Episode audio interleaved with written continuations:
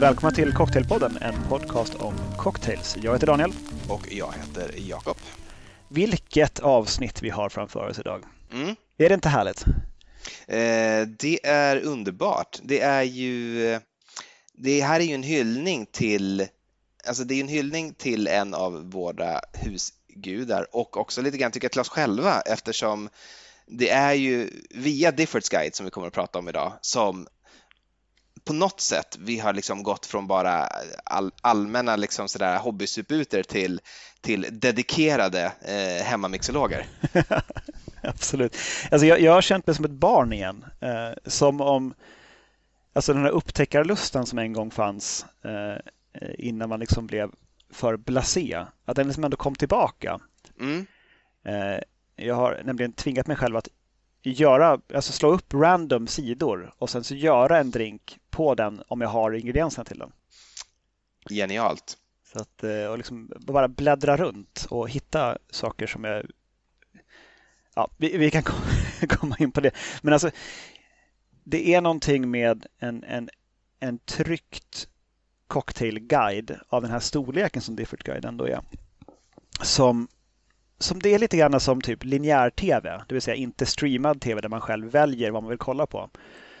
Det är som att du slår på tvn och sen så är det en film med Nicolas Cage där.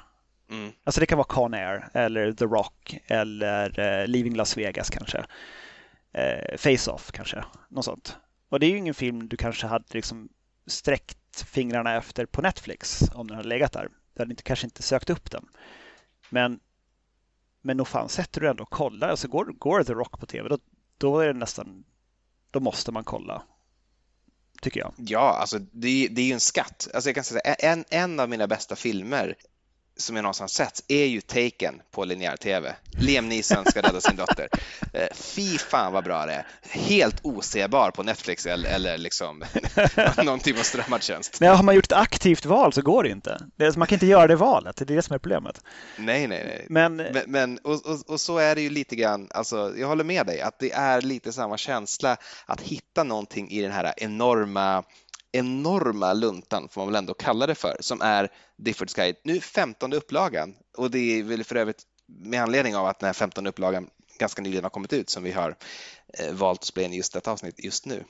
Precis. Jag menar, man hade inte, alltså, I många andra cocktailguider och bartenderguider och sådär så delar man ju upp drinkarna efter, efter spritsort eller stil. Det kan vara som sours och old fashion typer eller det kan vara bourbondrinkar eller gindrinkar. Och då söker du dig till det som du vill, vill ha. Alltså du går in på den, den genren i Netflix som du vill kolla på. Medan här, här är rubbet listat eh, i, i bokstavsordning. Mm. Um, och jag menar, vill du hitta en viss typ av gimlet, då måste du veta vad den heter i förnamn. och det finns typ sju, åtta stycken i boken, men de heter alla olika saker. Så du kan liksom inte bara söka på Gimlet. Du kan inte slå upp Gimlet-kapitlet och nu vill jag göra Gimlet. Utan du får, liksom, du får bläddra runt och bara shit, oj, här fanns det en annan typ av Gimlet. Ja, men den kan jag väl göra eller något. Eller så hittar man eh, 75 olika varianter på, på Last Words.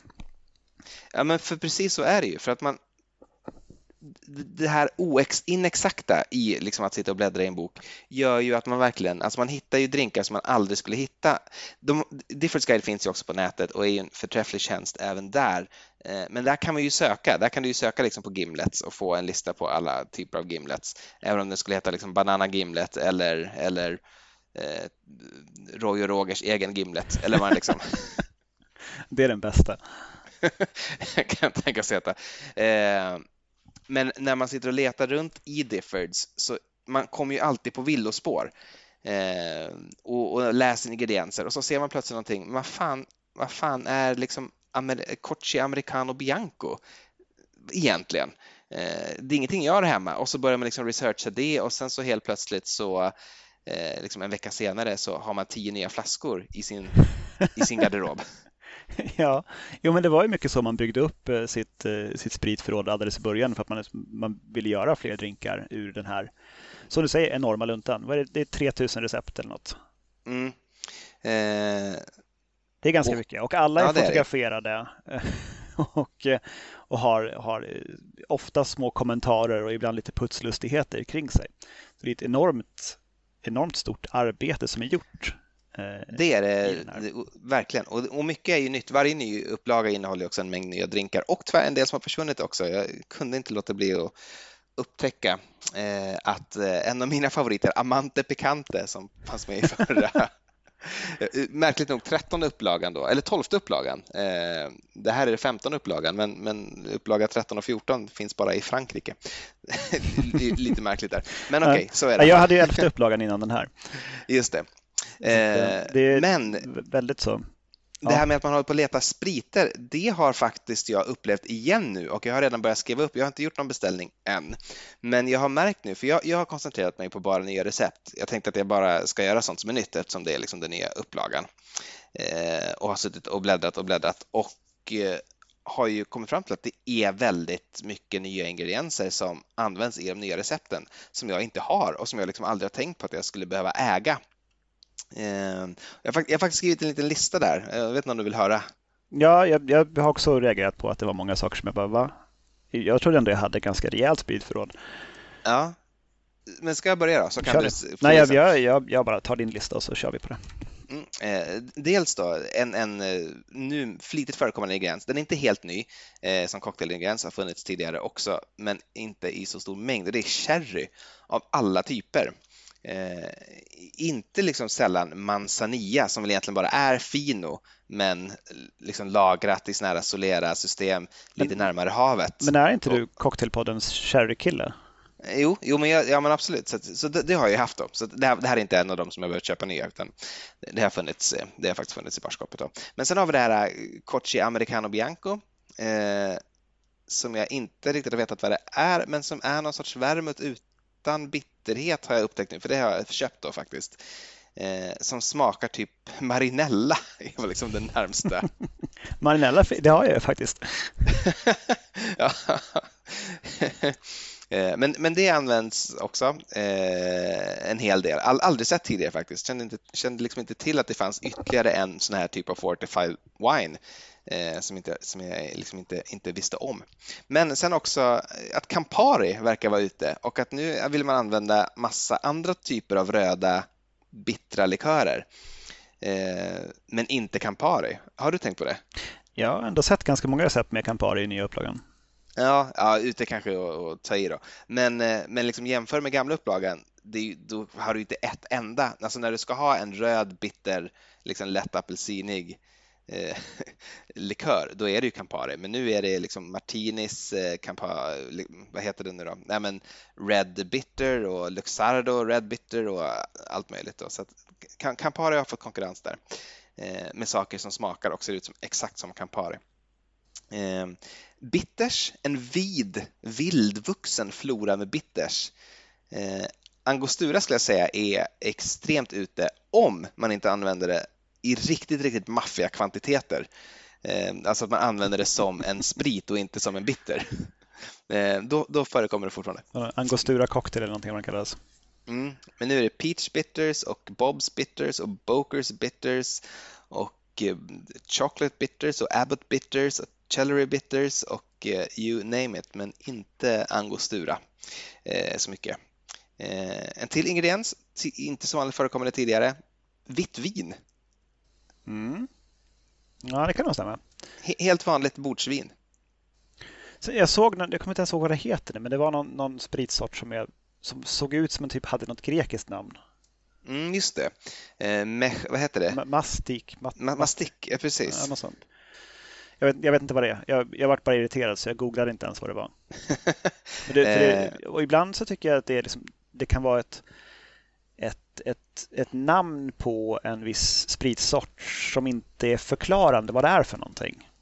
Alltså det, det, antingen så är det ett namn på spritsorten eller är det så är det en typ av spritsort som menas. Men jag, jag vet inte vad som är vilket och jag har det inte ändå. Så Precis, bläddrar jag i vredesmod vidare.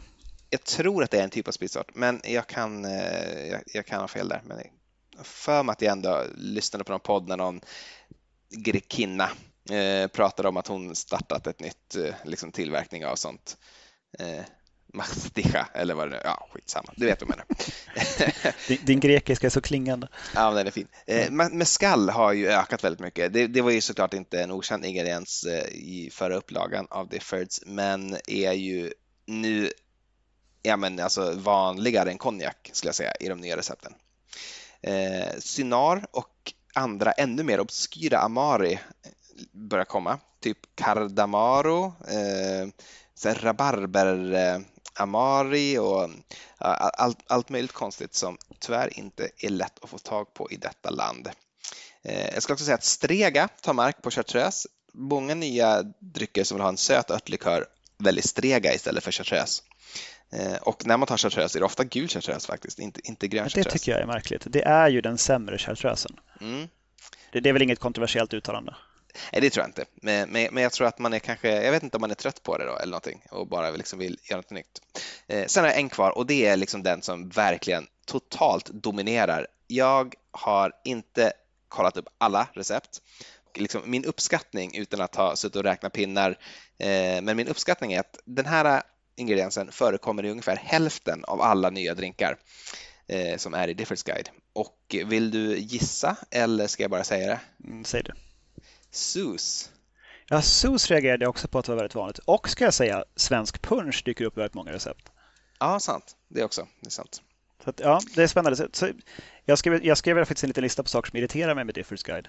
Eh, eh, det, här, det här är en del av det, det som du listade här nu. Men det är att, att all sprit i alla recept är namnad. Inte allt, men alltså 75 procent av alla liksom inlägg det är en, en namngivet märke liksom, som ska vara, det ska vara den här typen av gin, det ska vara den här. Liksom, så. Och mm. inte bara typ, det ska vara exakt den här ginen. Det förstår jag ju att det, det, det är så liksom de tjänar pengar på att på den här boken och kunna liksom trycka den här upplagan och det är även så de tjänar pengar på hemsidan genom att de säljer reklamplats till spritmärken. Så för att, för att ha det här liksom. det, det måste vara någon sån komponent i det och jag fattar det. Jag tycker bara att det blir så styltigt att läsa. Liksom att, skriv gin då och så kan du liksom lägga till efteråt. Ja, men det ska vara rutte, dry gin. Mm. Jag, håller, jag håller med dig om det, och, men jag har också liksom ytterligare en, en eh, take på den kritiken eh, som du ger. Och, och, det är, jag håller med att det är styltigt att läsa, men framför allt så blir det, tycker jag, ibland svårt att veta. För så här, framförallt många av de nya recepten, de blir ju mer och mer specifika och ofta är det någon specifik typ av vermouth som man ska ha. Man ska ha Puntemes, man ska inte ha Carpano, eller man ska ha Carpano, man ska inte ha Martini Rosso och så vidare. Eh, och då specificeras ju det av uppenbara skäl. Eh, men när de också då specificerar när det bara ska vara vodka, att det ska vara den här vodkan, så vet man inte liksom, är det vodka eller är det den här vodkan? Så jag skulle önska att han åtminstone kunde skriva eh, inte jag, rutte vodka eller vilken vodka det nu är, jag, jag kommer faktiskt inte ihåg. Suggested eh, eller något? Ja, eh, liksom or some other neutral vodka, någonting sånt. Liksom. eh, för jag förstår också att de måste ha de här samarbetena för att kunna få det här eh, skeppet att flyta. Så att jag, jag accepterar det, men eh, jag önskar att det skulle vara tydligt när det är ett förslag och när det är eh, faktiskt en annan drink om man, ja, om man väljer liksom. När, när det är viktigt, det kan inte en symbol bara, liksom, att det, det måste vara den här nyckelhål eller någonting för att man ska förstå att det här är mm. viktigt. Kanske ett så blinkande öga som att, jag, jag, jag bara skojar, det måste inte vara det här. Men... ja, men någonting i alla fall. Det, det, det, är någonting som jag ändå tycker det gör det lite svårläst. Liksom. Sen eh, nummer, eh, nummer två på min lista där är att eh, bilden inte alltid, det här är en små grej, men bilden stämmer inte alltid helt med receptet. Det kan stå att den ska serveras upp, men de har en bild på liksom en, bild, en drink som är on the rocks eller någonting sånt. Små grej, men det är småirriterande. Nästa grej är lite större faktiskt. Det är att jättemånga recept är adapted av Simon Difford själv. Mm. Där hade jag jättegärna velat ha originalreceptet eller åtminstone veta vad som var originalet. Vad, vad, vad är det som är ändrat? Alltså inom parentes, originalet har 35 milliliter av den här ingrediensen eller någonting. Just det. Man får veta vad, vad det är för förändring han har gjort. För det kan vara väldigt svårt att hitta de här recepten på egen hand. Eh, om det liksom är en bartender på en bar i Tyskland och den är inte publicerad någon annanstans än i Diffords Guide. Men det som är publicerat är en adapt adaptation som han har gjort. Det håller med. Jag håller med om det också. Men, den sista är det som är det absolut värsta. Det här är, det, det är otroligt irriterande. Mm. Eh, de, de, kan skriva i, eh, i receptet som garnish så står det eh, maraschino cherry. Luxardo maraschino cherry till och med. Men på bilden är det i 95 fall av 100 ett sånt där fulkörsbär med pinne som liksom knallrött, typ Dr. Oetker-körsbär. Och det är, så, det är så jättemärkligt att man skriver tydligt att det ska vara ett Luxardo maraschino körsbär. Mm. Men vi hade inte dem på något av de här 2500 recept, fotograferingarna vi gjorde. Eh, Så att det blev ett fulkörsbär från, eh, från, liksom, från butiken på hörnet. Jag tror att du har eh, Alltså, lösningen, eller nyckeln till detta problem är att de har något sorts samarbete med Luxardo, skulle jag gissa. Precis, men fotograferingen har redan skett sedan tidigare. Det kan ju vara ja, att, det, att det inte står Luxardo Maraskin och Cherry på, på, i, i tidigare upplaga, det har jag faktiskt inte kollat. Men eh, sen på vissa recept så är det ju ett Luxardo Maraschino körsbär, det ser man. Ja, hur som helst. Det här irriterar mig mest för att jag tycker att Luxardo Maraschino körsbär är så jävla goda. att det, det, blir så, det ser så konstigt ut när det inte är ett sånt på en drink. Eh, utan att det är ett sånt där knallrött eh, old school eh, körsbär.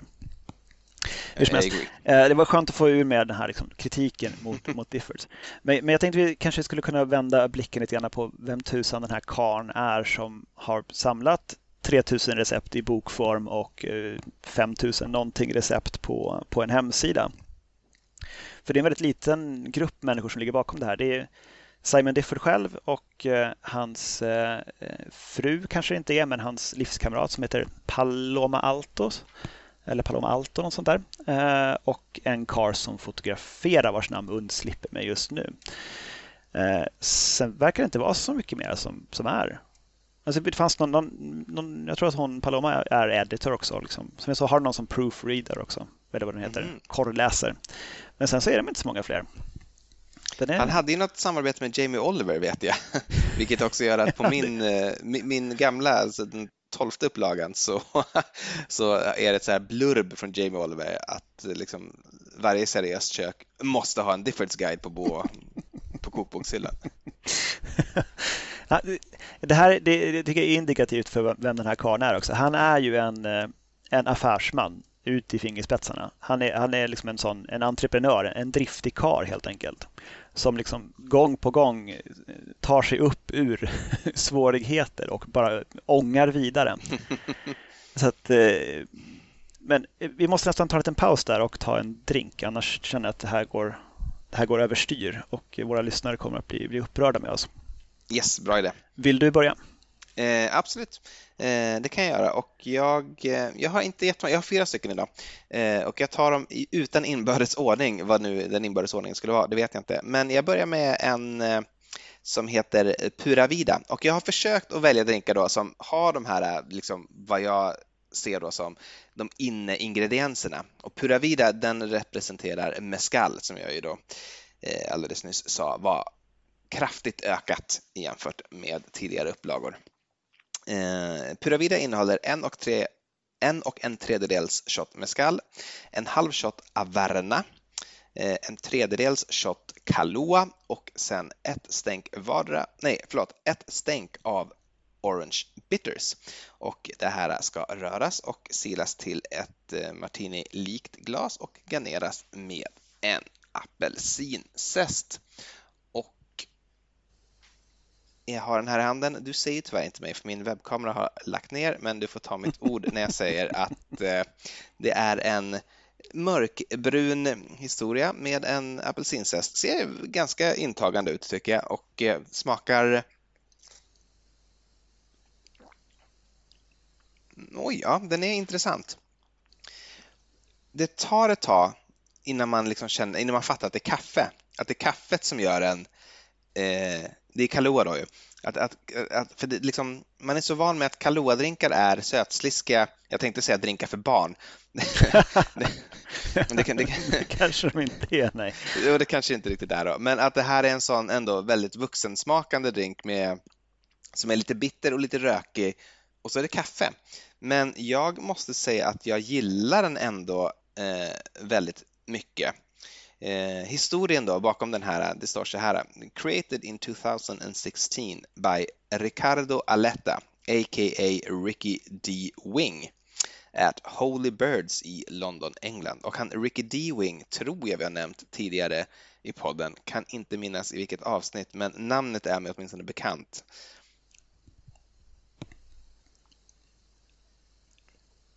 Men eh, jag gillar den. Den här skulle man nog kunna, den här skulle man nog kunna ha som en varm drink också. En väldigt så lätt, eh, lätt munkänsla på något sätt. Eh, trots att den ändå är ganska söt så känns den inte så liksom tung som söta drinkar kan göra utan, utan ganska eh, light, light-headed på något sätt. Ja, eh, bra start, om än inte terrific. okay. Men då, då sparkar jag igång med en, eh, en ny drink också ur eh, nya upplagan. Då. Eh, dock inte superny som drink, men jag hittade en, en drink jag inte kände till av eh, vår gamle vän Phil Ward eh, som också har förärats med ett eget avsnitt av Cocktailpodden som barlegender. Eh, den är skapad 2015 på Death Co och heter 18th Century Cocktail. Och då förstår du att det är ett riff på The 20th Century Cocktail som är en gammal klassiker från 30-talet. Och här har du en, en egentligen ganska udda ingrediens men för oss svenskar ganska bekant, eh, nämligen arrak som huvudsprit. Mm -hmm. Så du har 1,5 ounce arrak, 3 fjärdedels ounce söt vermouth, 3 fjärdedels ounce apricot brandy, 3 fjärdedels ounce limejuice skakas med is och silas till ett kylt glas. Och den är väl från sida 1 va? Exakt. Så den slog jag inte upp på random kan jag säga, utan jag vill bara se vad, vad, har de, vad är den första drinken man får se och alla drinkar på sida 1 är faktiskt nya drinkar. Just det, stämmer. Ja, jättegott. Arrak. Eh, när det är arrak får stå som egen sprit och inte i en punch. Tycker jag delar någonting med någon av baijuerna vi hade i baiju-avsnittet. Eh, typ den eh, Strong Aroma Baiju. Någonting åt det hållet. Mm, intressant. En, eh, en sån där funk. Och sen, det, det kan ju sig stämma, för man gör ju arrak delvis på samma sätt som man har eh, liksom torr, torrjäsning delvis eh, med någon form av rött ris i någon slags jästkakor som man jäser eh, i några omgångar och sådär. Så det kanske inte är så konstigt att det påminner lite grann om varandra. Men det är en väldigt intressant och god cocktail. Men arrak är ju, betyder ju någonting när det kommer till Sverige, men visst är det liksom bara sprit i stora delar av Sydostasien? På, på arabiska betyder väl arrak sprit? Okej. Okay. Eh, alltså som ord. Eh. var på, på Bali för en herrans massa år sedan och eh, där eh, betalade vi en, en ung eh, rask eh, gosse att köra runt oss en dag eh, liksom på ön med bil och han ville så gärna visa oss arrak då eh, som hans kompis hade gjort. Och då var det alltså bokstavligt talat så att de satt upp liksom typ petflaskor, alltså tomma kolaflaskor i en palm. Eh, och sen så rann det ner någon sorts vätska i den där som de sen jäste och brände och eh, eh, som han insisterade på att vi skulle ta med oss hem. Och det gjorde vi och öppnade. Och det var alltså den mest vedervärdiga smörja som jag någonsin har, har eh, smakat. Vi, det var väldigt generöst, vi var väldigt, väldigt glada eh, och, och, tacksamma över den här liksom, gåvan av genuin eh, balinesisk kulinarisk konst. Men herregud, det smakade som sån här bränd, du vet alltså som bränd kokos kan smaka som var inne ett tag och ha som garnish. Jag tror att jag har nämnt den en gång. Vi, vi fick ju det på, på Nightjar för en herrans massa år sedan. Och mm. man tänkte så här, åh, kokoschips, de ska jag smaka på. Och jag tror jag fortfarande har den smaken i munnen. så smakade ungefär arken där också. Ja, det var ett sidospår. Eh, jag har faktiskt gjort den här 18th Century Cocktail, inte idag utan för någon månad sedan och eh, kan stämma in i eh, ditt omdöme att eh, den är inte så dum. Ja, det, det är klart. Eh, det, Difford har gett den fyra stjärnor. Jag kanske skulle ge den tre och en halv, fyra någonstans där. Inte, inte dåligt, men det var kul också med någon, en för mig obekant Phil Ward-drink. Mm. Men du, äh, åter till, åter till Karn. Äh, tydligen något av en strulputte, blev utslängd ur, äh, ur skolan och började istället arbeta som, som typ byggjobbare för att typ random jobba. Och sen så Eh, började han köra fisk och räkor till smörgåscaféer som frysta produkter. Eh, vilket han sen som 18-åring skapade ett företag kring och började köra saker till sådana här eh, kaféer och grejer. Eh, men sen så fick han någon, någon deal på typ att köpa upp ett lager med små miniatyrflaskor av specialspritsorter. Någon slags prov, provlager liksom med sådana små, sådana små flaskor som finns typ framme i kassan på, på typ Finlandsfärjor som han sen då försökte göra någon slags business kring då att sälja de här miniatyrflaskorna till, till barer som, liksom, som varuprover eller något sånt. Men sålde dem i små, små omgångar och gjorde ihop små, små korgar av olika sorters weird sprit, typ med skall och sånt som inte var någon grej på 90-talet. Alltså små mescalflaskor typ med alltså typ på kanske 4 centiliter med en, en mask i varje flaska. Sån här mm. mescalmask. Eh, så det sen fick han igång till att liksom bli någon form av spritbutik, eh, en sån grossistbutik som heter Tipples. Därifrån sen då ville han börja sälja till barer och startade en tidning som hette Class Magazine. Eh, det här är sent 90-tal nu och den, det stod då för Cocktail, Liqueur and Specialty Spirit, alltså som var Class då. Ja, snyggt. Det var ändå inte så dumt. Jag tycker både akronymen eh, liksom är trevlig att läsa ut och eh, kändes inte alls liksom krystad när, man, när du läste upp vad den, hur den skulle liksom eh, vad den stod för. Mm. Ja, det var rätt Men i, i, samband med att man skulle ha den här tidningen då, liksom, och själv skriva den här tidningen, alltså, från början lite grann som ett fanzine, alltså med ganska låg produktionsvärde. Men det var någon som ställde frågan till honom, men du, vad, vad i helvete kan du om bartending? Varpå han inte egentligen hade något annat svar än att nej, jag kan ju fan ingenting om bartending. Så då började han, han bartendra på eh, något random ställe, typ något mexikanskt ställe, heter Café Sol i, i London.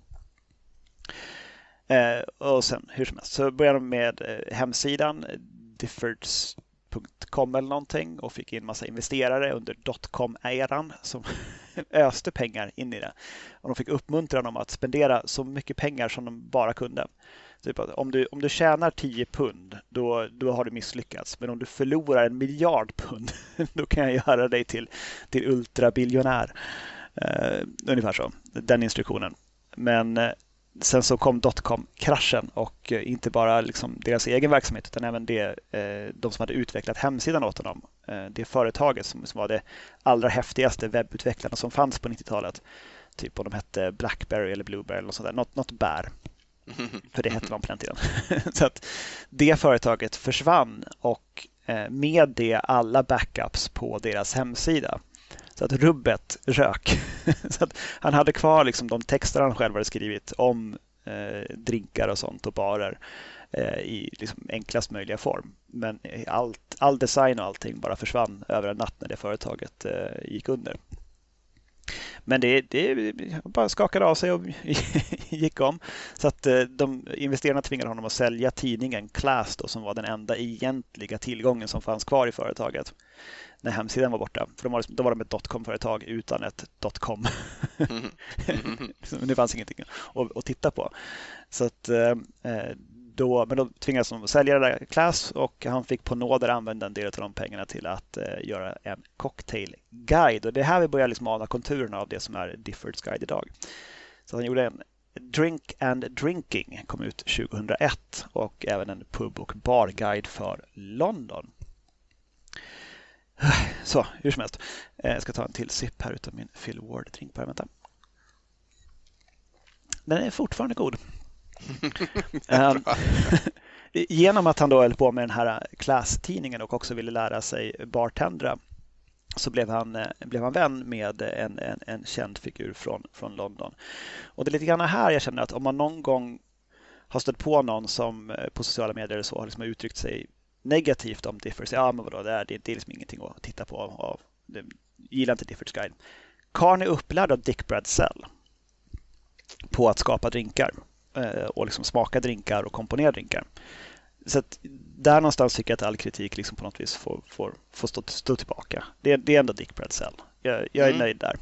Bra, jag eh, håller med. Ja, så att de har spenderat jättemånga eh, kvällar hemma i Diffords eh, hemmabar slash kök tillsammans med bland annat då Dick Bradsell och eh, skapat drinkar och pratat drinkar och druckit drinkar. Så att de verkar ha haft det fantastiskt trevligt där. Men i alla fall, Dick eh, Bradsell brukade alltid fråga efter recept i barer om han tyckte att någonting var bra. Och brukade då, som om det var bättre än hans egen version, så brukade han ta det nya och liksom ta med det in i sitt eget recept. Eh, och det här är någonting då som Difford, eh, Simon Difford själv har hållit på med i, i alla år. Så att han, eh, han menar att troligen, han kan inte vara helt säker, men troligen är han den människa i världen som har både skakat flest olika drinkar och smakat flest olika drinkar av alla nu levande människor. Ja, det är ju inte helt osannolikt. Det finns ju åtminstone mig veteligen eh, ingen liksom, liknande databas som Diffords Guide. Sen finns det säkert när jag läser det här med typ 7000 drinkar i Kina, där, där liksom kinesiska Simon Difford eh, har, eh, vinner då. Men, men om, om vi bortser från det så eh, det verkar troligt. Mm, för, för han, alla de här drinkarna som finns i guiden och också på hemsidan, de har han ju dels själv eh, skakat och smakat på oss, ofta i flera olika omgångar då för att hitta. Det är det han gör med de här adaptations. Han gör att man ändrar och tweakar lite grann för att det ska bli bättre för sin egen smak. För det får man komma ihåg, de här betygen som finns på drinkarna, det är hans egen, egna smakbetyg. Det är en enda persons åsikt om en drink som betyder om den får en stjärna eller om den får fem stjärnor och ett plus.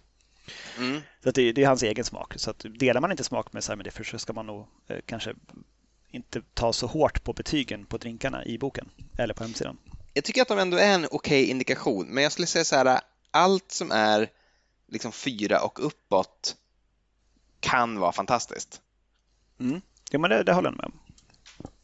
Sen tycker jag att jag tycker det känns som att det är färre alltså typ, riktiga lågvattenmärken i den här. Jag hittade ingenting under tre, eller typ tre stjärnor nu. Två och en halv kanske. Så jag vill minnas Cement, att det fanns typ halva stjärnor. Och sånt. Jag tror ja, att cementblandaren fortfarande kvar.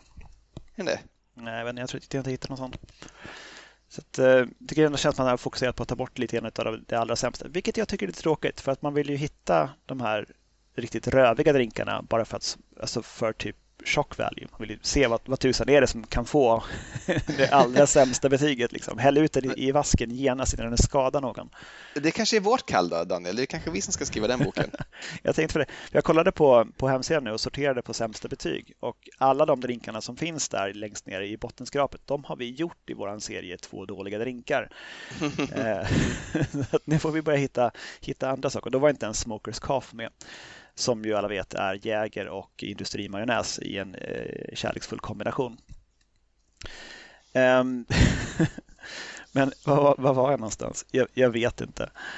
Uh, ja, hur som helst, den här barguiden han höll på med utvecklades då så småningom till eh, uh, Diffords Guide Quarterly som hade barrecensioner från tre städer varje kvartal plus lite drinkar och spritrecensioner. Och sen började han göra de här som, som blev Diffords Guide i olika upplagor. Uh, och sen verkar det vara så att när, när han börjar jobba med en ny upplaga då slutar de genast att, eh, att, att trycka den gamla upplagan. Så att det liksom kommer ett glapp på typ ett år när det inte finns någon Diffords guide att köpa överhuvudtaget.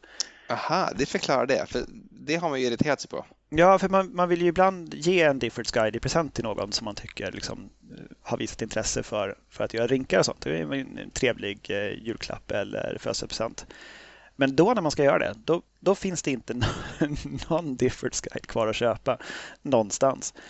Eh, och sen tror jag att de hamnar ju sällan på, på antikvariat i och med att jag menar, vi flitiga lyssnare och följare till vårt Instagramkonto har ju sett bland annat hur din Diffords guide upplaga eh, 12 ser ut och eh, nu senare även min upplaga 11.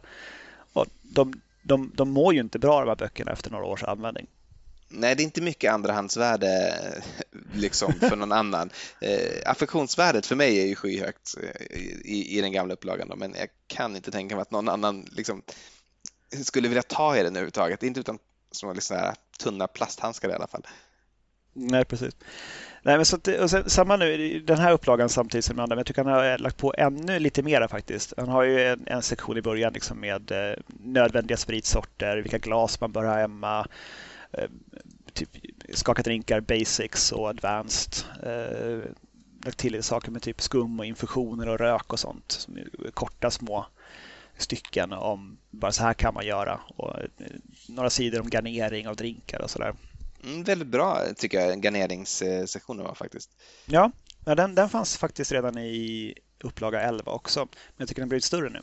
Mm. Och med, med bra bilder och bra förklaringar. Liksom, och allt, allt från ganska enkla garderingar till lite mer avancerade. Det, ja, jag uppskattar de där små. Det är ändå kan det vara 20-30 sidor i början av boken som, som bara är bara läsning. Ja, det är mer, mer än så. Jag tror att det är uppåt 70 sidor innan liksom själva recepten kommer. Ja, kanske det. Kanske det. Men du, eh, eh, kanske dags för en drink eller? Eh, vi, kan, vi tar en till. Sen har jag eh, en, en grej som jag vill eh, fördjupa mig lite grann i. Men eh, vi kör väl en emellan och eh, jag kan börja den här gången också. Eh, jag har gjort en drink som har tagit sitt namn dels från då den här, eh, vad heter den på svenska, tasmanska djävulen. Eh, ja, jag tror jag såg den drinken. Ja, du såg den. Mm. De heter, du ska ändå få gissa vad den heter då. Eh, den, den är från Door 74 i din gamla hemstad eh, Amsterdam mm. och skapad av Tess Posthumus. Just det. Hon har väl haft flera drinkar med i Differ Sky. Jag hittade bara den den här gången, men vi har också nämnt henne i podden förut tror jag. Ja, det är mycket möjligt. Eh, test, Door 74 har vi ju nämnt i alla fall och har väl även eh, nämnt att vi har besökt, skulle jag tro. Det vore märkligt annars. Mm, precis, men det, det, det, oh shit vad tiden går. Det är ganska länge sedan nu. men hon verkar duktig i alla fall, Tess. Eh, ja. Den heter väl Tess, Tessmanian Devil eller något sånt där? Eh, exakt, Tessmanian Devil och då stavat T-E-S-S Manian Devil. Just eh, och eh, den ska serveras i ett martiniglas och garneras med två liksom chili-ändar som sitter då på sidan av glasen så att det ser ut som sådana här horn, djävulshorn. Eh, och i övrigt då så ska den skakas eh, och sen silas med följande ingredienser. Eh, tre fjärdedels shot med gin, tre fjärdedels shot med strega, och där har vi stregan. Tre fjärdedels shot med Lillet Blanc, tre fjärdedels shot med citronjuice och sen ett stänk med Peychaus, ett stänk med någon form av het chilisås och då gissar jag att de flesta väljer tabasco. Eh, och sen en nypa cayennepeppar. Eh, det här ska eh, skakas och eh, finns strainas till ett glas. Och och fy, gud vad stark den är. Jag tog någon sorts extra stark tabasco. Det skulle jag nog inte ha gjort. Den är verkligen, verkligen het. Eh, I övrigt är ju här, det här är ju någon sorts liksom last word-ish riff. Eh, gillar, jag, gill, jag kan ju gilla så lite töntigt garnish och det här är verkligen ett töntigt garnish eh, och, och, det gillar jag verkligen. Du, kom, du, ska få se bilden sen. Ja, men jag, jag såg bilden i boken så den, den såg ja, töntig ut även i själva guiden. Att, liksom, verkligen två, två små fjuttar till chili-duttar som står åt varsitt håll från kanten på martiniglaset. Precis, lite grann som du vet sådana här horn som man har om man är lite, jag vet inte, ironisk eller kanske så här, ska vara lite sexig på någon eh, halloweenfest. Som sitter på ett, eh, typ ett diadem och sådär. Ja men exakt, så, så, lite grann är ju liksom känslan med det här garnishet också. Jag, jag, jag, älskar det och jag älskar också den här drinken, den är jättegod. Jag hade för mycket chilisås uppenbarligen, eller för stark chilisås. Eh, jag skulle, jag skulle vilja att den var lite mildare, men jag kan ju ändå liksom trots denna fadäs inse att här har vi någonting som skulle kunna bli 2021 eh, års Amante Picante. Ja, nu när Amante Picante är borta ur boken, så vad ska du göra? Då får du inte göra det längre. Det är så regeln är. Okej, okay, men då, då kontrar jag med en som faktiskt inte finns i boken, eh, men som jag hittade när jag var in och eh, kikade lite grann på hemsidan, som heter Carta Switchell. Switchell då enligt texten där ska vara någon form av förstadium till en, en Swizzle. Så det är ju det är en Swizzle helt enkelt. Eh, då har du två ounce eh, ljus eh, rom, eh, ett ounce grapefruktjuice, ett halvt ounce sockersirap 2 till 1, ett sjättedels ounce Fernet Branca och, håll i dig nu, ett sjättedels ounce äppelcidervinäger. Det här var vinnarbidraget i 2016 års engelska Bacardi Legacy och är gjort av en karl som heter Ian Griffiths som då jobbade på Dandelion då, det här är helt enkelt, man fyller upp ett Collinsglas med krossad is och sen så slår man i de här ingredienserna och sen så swisslar man som en jävla galning. Tills glaset liksom frostas eh, och blir riktigt sådär eh, snöigt på utsidan. Och sen så garnerar man med en eh, grapefruktzest och en kvist med av den egentligen allra sorgligaste vintertida mynta på kruka du kan hitta på ICA. Det får inte vara de finaste, de måste vara så otroligt sorgliga. Och det här är verkligen, måste få bilderna sen. Jag, jag var tvungen att peta ner den i isen och gömma den. För att, för att det skulle inte, den hade skämts att få synas på bilden heller. Liksom inte. Ja, herregud. Mm. Spännande. Eh, alltså det är så pass lite Fernet men jag tycker ändå Ferneten går igenom ganska tydligt och liksom gör drinken ganska torr. Det är ju verkligen eh, en effekt som Fernet har. Mm. Sen är det inte någon annan syra då, liksom, men det som, lilla syran som finns i grapefrukten och den här äppelcidervinägern. Då. Spännande. Alltså det, det är sällan en Swizzle är så oinsmickrande som den här ganska torra drinken ändå är. Det brukar vara ganska sådär rom och, rom och fruktjuice och, och, och, socker och så swisslar man och sen så är det fantastiskt. Den här är, behöver man ändå, även fundera lite grann på. Den är inte, det är inte en uppenbar kärlek till den här drinken. Mm. Eh, mitt ljud krånglade lite grann så jag hörde inte vad den hette. Kan du säga namnet igen? Karta Switchell. S-W-I-T-H-C-E... Switchell. Ja, du hör hur det låter. Ja. Du, du, du, får, du får ta det där fonetiskt. Absolut. Ja, spännande drink. Eh, den lämnar liksom gommen och tungan lite torr, vilket är förvånande. Ja, kul. Men då hade du mera på på Ja, alltså, jag, jag, tänkte bara en, det här, det här är ett litet inslag som är lite off topic, eller, men, men ändå väldigt också mycket on topic.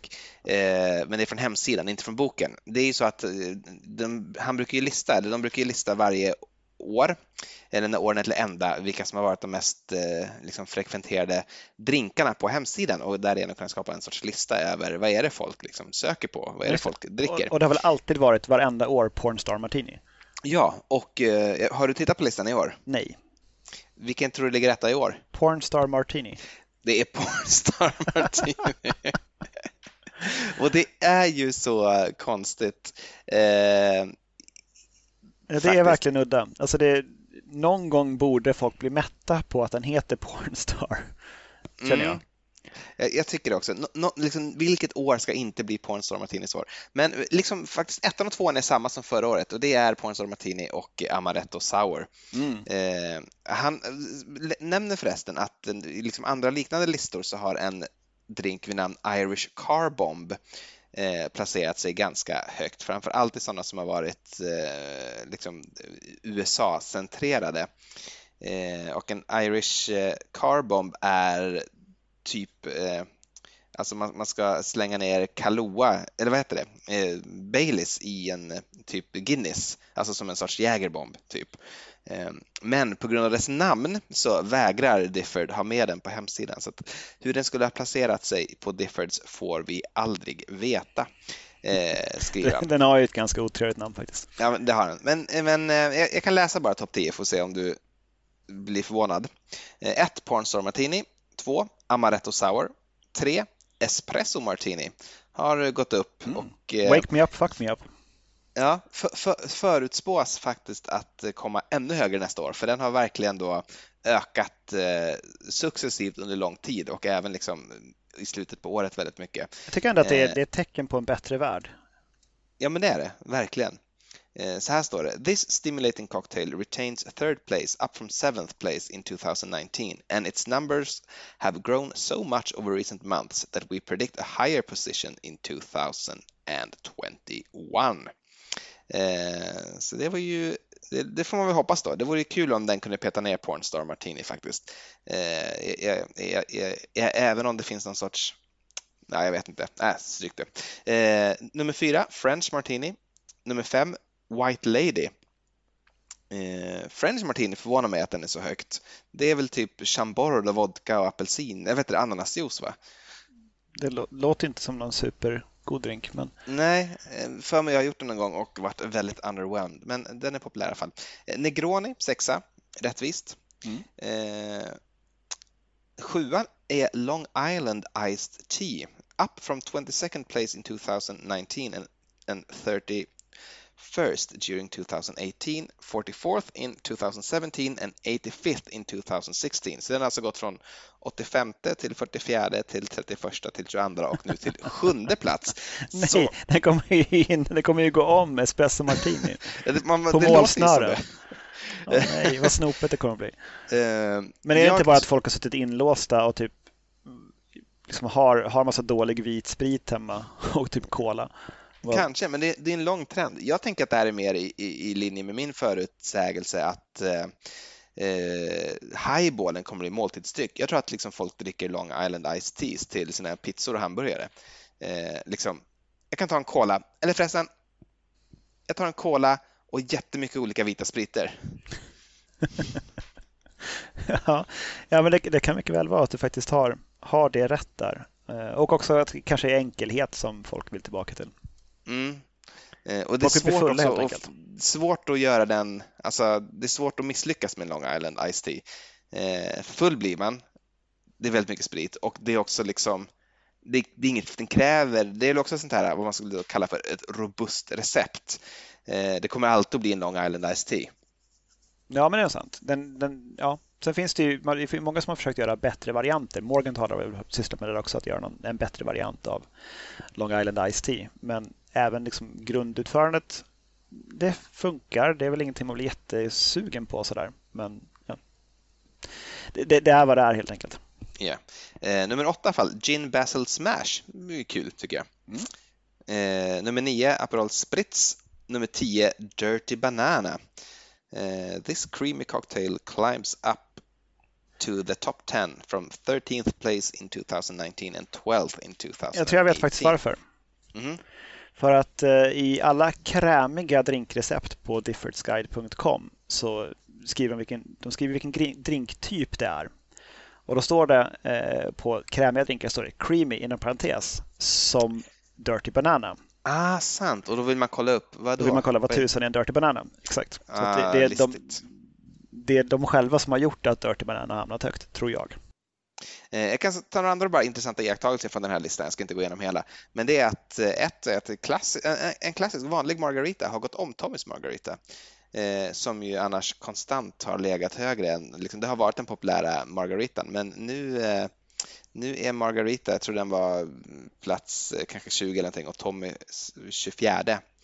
Eh, och det, visst pratade vi, jag vet inte om det var förra avsnittet eller om det var nyårsavsnittet eller när det var, men vi pratade lite grann om att vi tror att så här, ja, men det här festandet kommer att komma tillbaka och, och att kanske nörderiet lite grann är på väg att eh, tryckas tillbaka och det här tycker jag är ju i den riktningen, är det inte det ändå? Att eh, man vill inte ha någon, liksom, någon, någon fin Margarita man vill ha, man vill ha triple sec, eh, lime och eh, tequila blanco. Eh, kanske, vem vet? Ja, man kanske inte eh. har agave sirap hemma längre. Eh, det kanske inte var det man sträckte armen efter när man bunkrade i våras. Nej, men precis. Eh, penicillin backar också. har ju varit topp 10 under många, många år. Nu plats 23. Så det var ju, det var ju eh, tråkigt. Det men, men det kan ju också vara som att om, om en drink backar på listan av sökta drinkar, då kanske det bara att folk har lärt sig hur de gör den. Så kan det vara i och för sig. Det är den positiva tolkningen där. Eh, högsta hel liksom, new entry är på plats 17 och det är en drink som jag tror vi har pratat om. Det är en shotdrink och det är Baby Guinness som ju är Kahlua som, liksom, som ska toppas med Baileys så att det liksom ser ut som en Guinness. Ja, just det. Det ser ut som en pytteliten Guinness Pint. Ja. Exakt. det måste ju vara gott också. Alltså det, det är lite grann som typ att, att på gammalt tantvis dricka likör i småglas. Yeah. Vilket jag hoppas någon gång kommer bli en trend. Att man sådär, efter maten liksom erbjuds en, en, ett, ett uppslag av olika väldigt söta likörer istället för alltså, traditionella avecker som vi har idag. Man får som en, en, en, en trist konjak liksom, så får man, ja men nu, här har vi crème de menthe och här har vi en liten ägglikör vi gjort själva. Så får man liksom, mm. i så här pytte, pyttesmå en centiliters glas sitta och smutta på, på, på fruktlikörer. Det tycker jag, det, det, det är någonting jag önskar mig. Det vore något. Eh, högst placerade blåa drink hittar vi på plats 41. Är det Gunmetal Blue? Nej, det är Aqua, ah. Aqua Velva. Okej, okay. jag vet inte ens vad det är. Är, vad kan det vara? Jag, jag kollar upp det. Jag tror att det är typ Curacao och eh, typ gin och 7-Up eller något sånt. Men jag kollar här nu så att jag inte Men säger fel. Fy. Eh, Aqua Velva. Då ska vi se. Eh, en och fjär, en fjärdedels shot vodka, en och en fjärdedels shot gin, en tre fjärdedels shot blå Curacao, top with Sprite or 7-Up. Men burk. Jag säger nej tack på den. Mm. Och den sista, sista iakttagelsen, det är att eh, Sazerac är verkligen på nedåtgående. Den har eh, ju varit högt, var 59 2019, nu plats 82 och tror jag kommer inte att vara med på topp 100-listan när vi summerar år 2021. Men återstår att se, den kanske kan hitta tillbaka.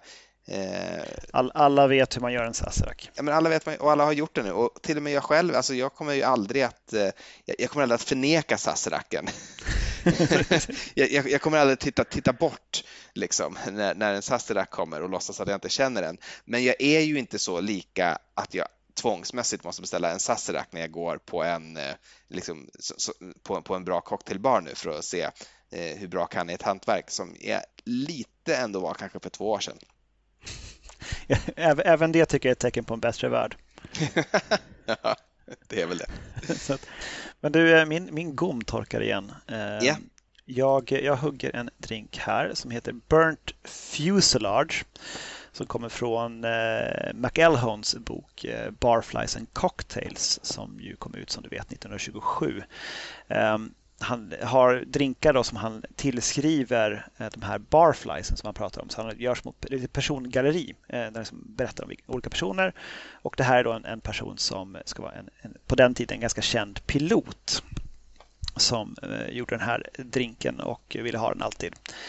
Eh, så då har du 3 centiliter konjak, 3 centiliter Grand Marnier och 3 centiliter torr vermouth. Rör med is, sil till kylt glas och garnera med citronzest. Och då har jag förstås skurit den som ett litet flygplan. Det kan inte du se. Det ligger nere i glaset här. Ja, hur som helst, det är ett litet ja, flygplan. Jättefint. Ja, anade det. Mm. Ja, men det är en god så här, mittemellan eh, komplex drink. Konjak tycker jag ju är väldigt, väldigt gott i drinkar. Det är sällan jag använder konjak, men jag blir alltid glad varje gång jag gör det. Så att, eh, och eh, torr vermouth funkar ändå ganska bra med konjak, för jag inte kanske riktigt hade trott. Det blir någon, någon slags liten päronton som jag inte riktigt förstår var den kommer ifrån. Ingenting som ingår ska ha päron i sig. Men... Spännande. Nej, jag håller med. Jag hade nog inte heller tänkt, liksom, det, det tänker man inte att, att det ska riktigt liksom, gifta sig, men eh, mm. kul att höra att det funkar. Om du skulle chansa på vilken militär grad den här piloten hade, Uh, han hette C.W. Kerwood. Men vad hade han för militärgrad? Du får se det på engelska om du vill. Uh, kan ha varit colonel? Han var en colonel. colonel C.W. Kerwood.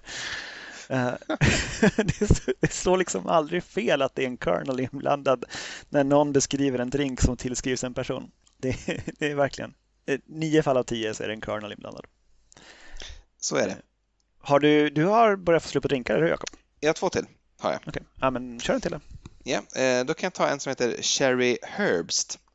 Eh, och eh, den här drinken är skapad på Soho House i Berlin. Och Herbst är ju då egentligen Herbst, det vill säga höst på tyska. Så det står så här att it also refers to harvest time, so the drink translates as cherry harvest. Eh, alltså skördetid för sherry. Den innehåller eh, två tredjedelars ounce med rye, två tredjedelars ounce med bourbon, en halv ounce med puntemes, eh, vermouth, eh, en tredjedels ounce med falernum och en tredjedels ounce med oloroso sherry. Och, eh, det är mycket på gång alltså? Ja, det, det är ganska mycket och Ja, nu har den, den ska serveras on the rocks och den här, min, mitt, mitt rock, min sten har smält lite grann här så att den är nu lite urvattnad. Men den är ju, man anar ändå en viss eh, Alltså falernum, ja, alltså jag får inte riktigt ihop det ändå med liksom ingefäran. Det är rätt gott.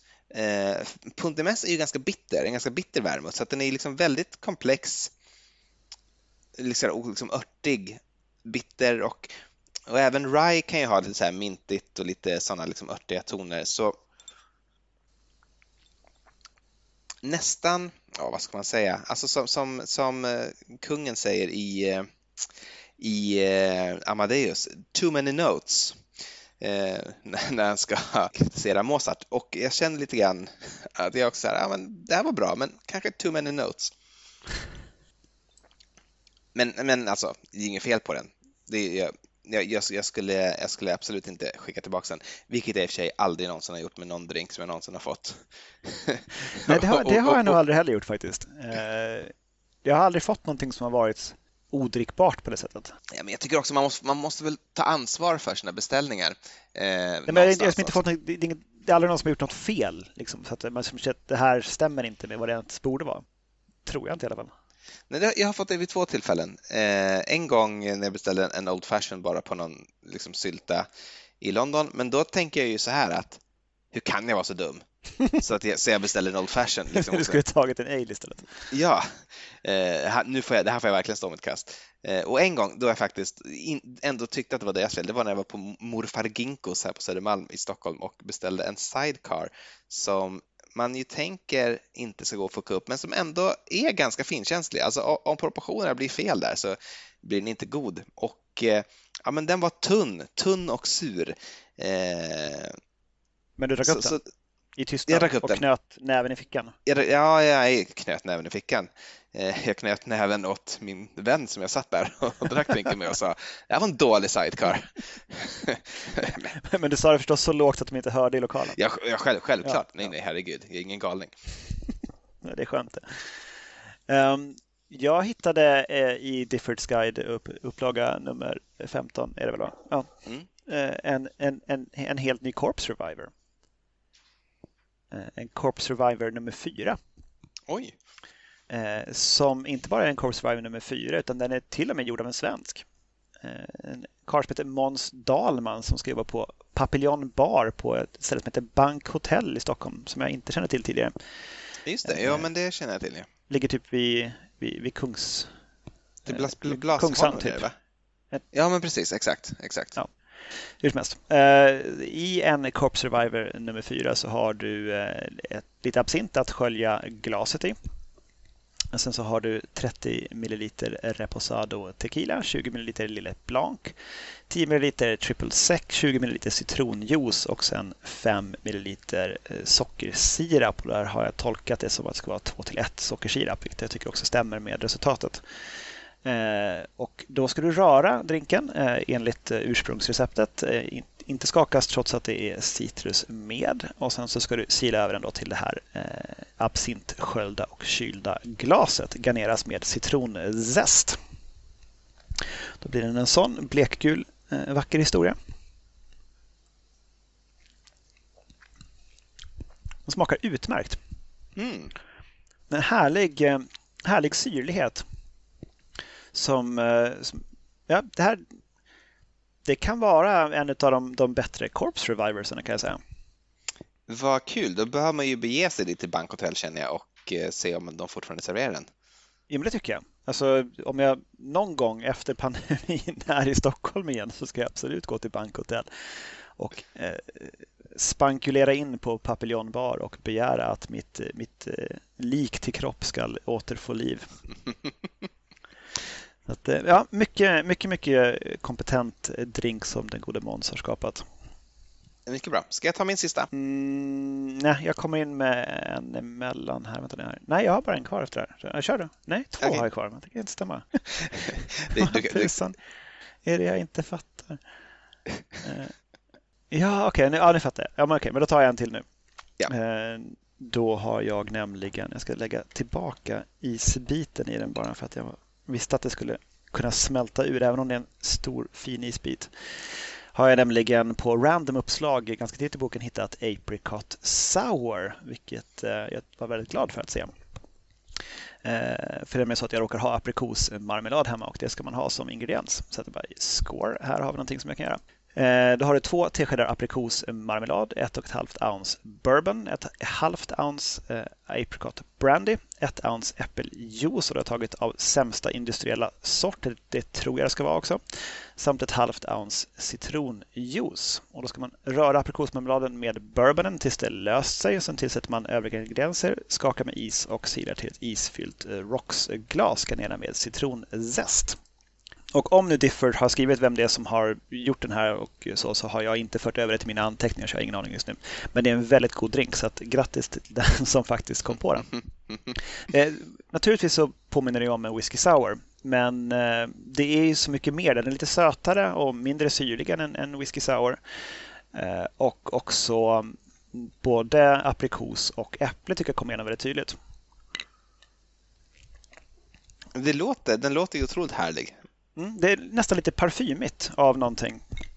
Som, alltså en svag parfymig ton som jag verkligen uppskattar. Så att eh, en, en god eh, apricot sour där. Det är fantastiskt.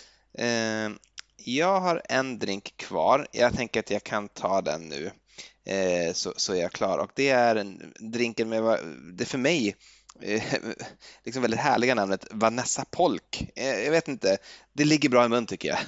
Vanessa Polk. Eh, det finns väl en förklaring till det här också. Så här står det under History. Adapted from a 2019 recipe by Jason Clapham in Oxford, England. Jason named this cocktail after, inom citationstecken, the rather impressive heiress in P.G. Woodhouse, a pelican at Blandings. Jasons original recipe calls for Chairman's Reserve Rum. Eh, och av detta anar du att det ska vara rom och att det i det här receptet inte är Chairman's Reserve utan någon typ av lagrad rom, 1,5 ounce. Difford säger Havana Club 7-åriga, men det är standard nu har jag förstått så att det behöver inte vara den. Jag använder Angosturas 5-åriga eh, rom till min. Eh, 3 fjärdedels ounce med Cherry Herring, 6 droppar med chokladbitters och ett stänk med Angostura Aromatic Bitters. Det här ska röras och silas till ett glas och garneras med ett maraschino körsbär från producenten Luxardo. Eh, och det här är ju kanske den minst spännande men den godaste av mina drinkar idag. För det här är liksom, det här är romrussin verkligen.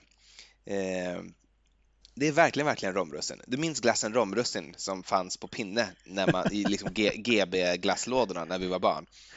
jag, jag är bekant med glassmaken romrussin. Finns faktiskt mm. fortfarande kvar som eh, Sia-glass numera, gör en sån. Men jag tror att de har döpt om den till punchrussin faktiskt för att eh, smickra in sig hos befolkningen. Jaha, så där. Jag kan inte tänka mig att, att det är, eh, kommer liksom att make it or break it för dem. Men absolut, eh, jättebra. Det här, eh, det, här, det här är en så här eh, god efter maten. Jag skulle inte ta den här före maten, för den är ganska söt och ganska så tjock. Har en, har en ganska liksom, en rejäl fyllig munkänsla. Eh, men istället för avec, alltså en typ halv, en halv Vanessa Polk, absolut. Eh, Difford ser en 4,5 stjärna. Eh, user rating är 4,5 stjärna. Mitt betyg är 4,5 av 5. Perfekt i linje. Eh, nej, men då tar jag några, några få sista ord kring min drink som heter just Few Words. Så då tänker man, jaha, okej, okay, kommer det vara en till eh, Last Word-klon? Eh, vilket jag nämnde i början, då, det finns ganska många sådana i, i Diffords Guide, eh, den här upplagan, eh, av olika slag, alltså olika riffs och riffs på riffs på riffs av Eh, Last Word. Men Few Words, eh, trots sitt namn, har ingenting alls med, med Last Word att göra i vare sig eh, innehåll eller, eller proportioner. för här har du 4,5 centiliter mescal, 3 centiliter cherry hearing, 1 centiliter Aperol och sen ska det vara tre stänk Creole Bitters, men då använder jag Peugeots i en kul twist of fate. För att ofta som svensk så har man inte Peugeots, men man kan köpa Creole Bitters. Så jag tänkte att nu, nu vänder jag på bordet här och sen så kör jag Peugeots där det står Creole. Det här ska röras med is, eh, sidas till ett kylt rocksglas med en, gärna en stor, helst klar isbit om du har. Och sen ska du garnera med citronzest. Och den här är skapad av en karl som heter Alexei Poltavski på klubb 43 i Phuket i Thailand. Och det är en utmärkt drink. Den här kan man nog ta före middagen ändå. Den är inte så, så söt som man kanske skulle kunna tro av eh, mängden cherry hearing som var med. Eh, och mescallen är det som verkligen är tydligt i drinken. Mm. En riktig, riktig höjdardrink. Vad fint. Eh, fyra stjärnor bara på Different Sky, men jag skulle nog ge den en femma. Mycket bra. Eh, vilket utmärkt avslut på detta ganska långa avsnitt. Det varit längre än vad jag trodde. Jag tänkte hur mm. länge kan vi prata om en, eh, en bok? Men eh, det fanns en del att säga där. Ja, som, jag kan knyta an till det jag sa i början. Jag, för mig så är det här, liksom att bläddra runt i den här boken är ett sätt att känna hur jag kände den här upptäcka glädjen alldeles i början. Precis liksom när jag hade Eh, typ smyglånat din, den här eh, Ted Haig-boken eh, Vintage Spirits and Forgotten Cocktails och typ läst om storheter som Monkey Gland och eh, Aviation och sånt som man liksom bara kunde drömma sig bort till vad det kunde vara för, för smaker i. Eh, lite så känner jag igen nu och det, det, det, gillar jag. Jag gillar att boken inte är sökbar eh, eller uppdelad i grupperingar. Utmärkt, jag kan bara stämma in och och eh, säger därför med de orden eh, tack för att ni har lyssnat och eh, skål Daniel och godnatt. Skål och godnatt.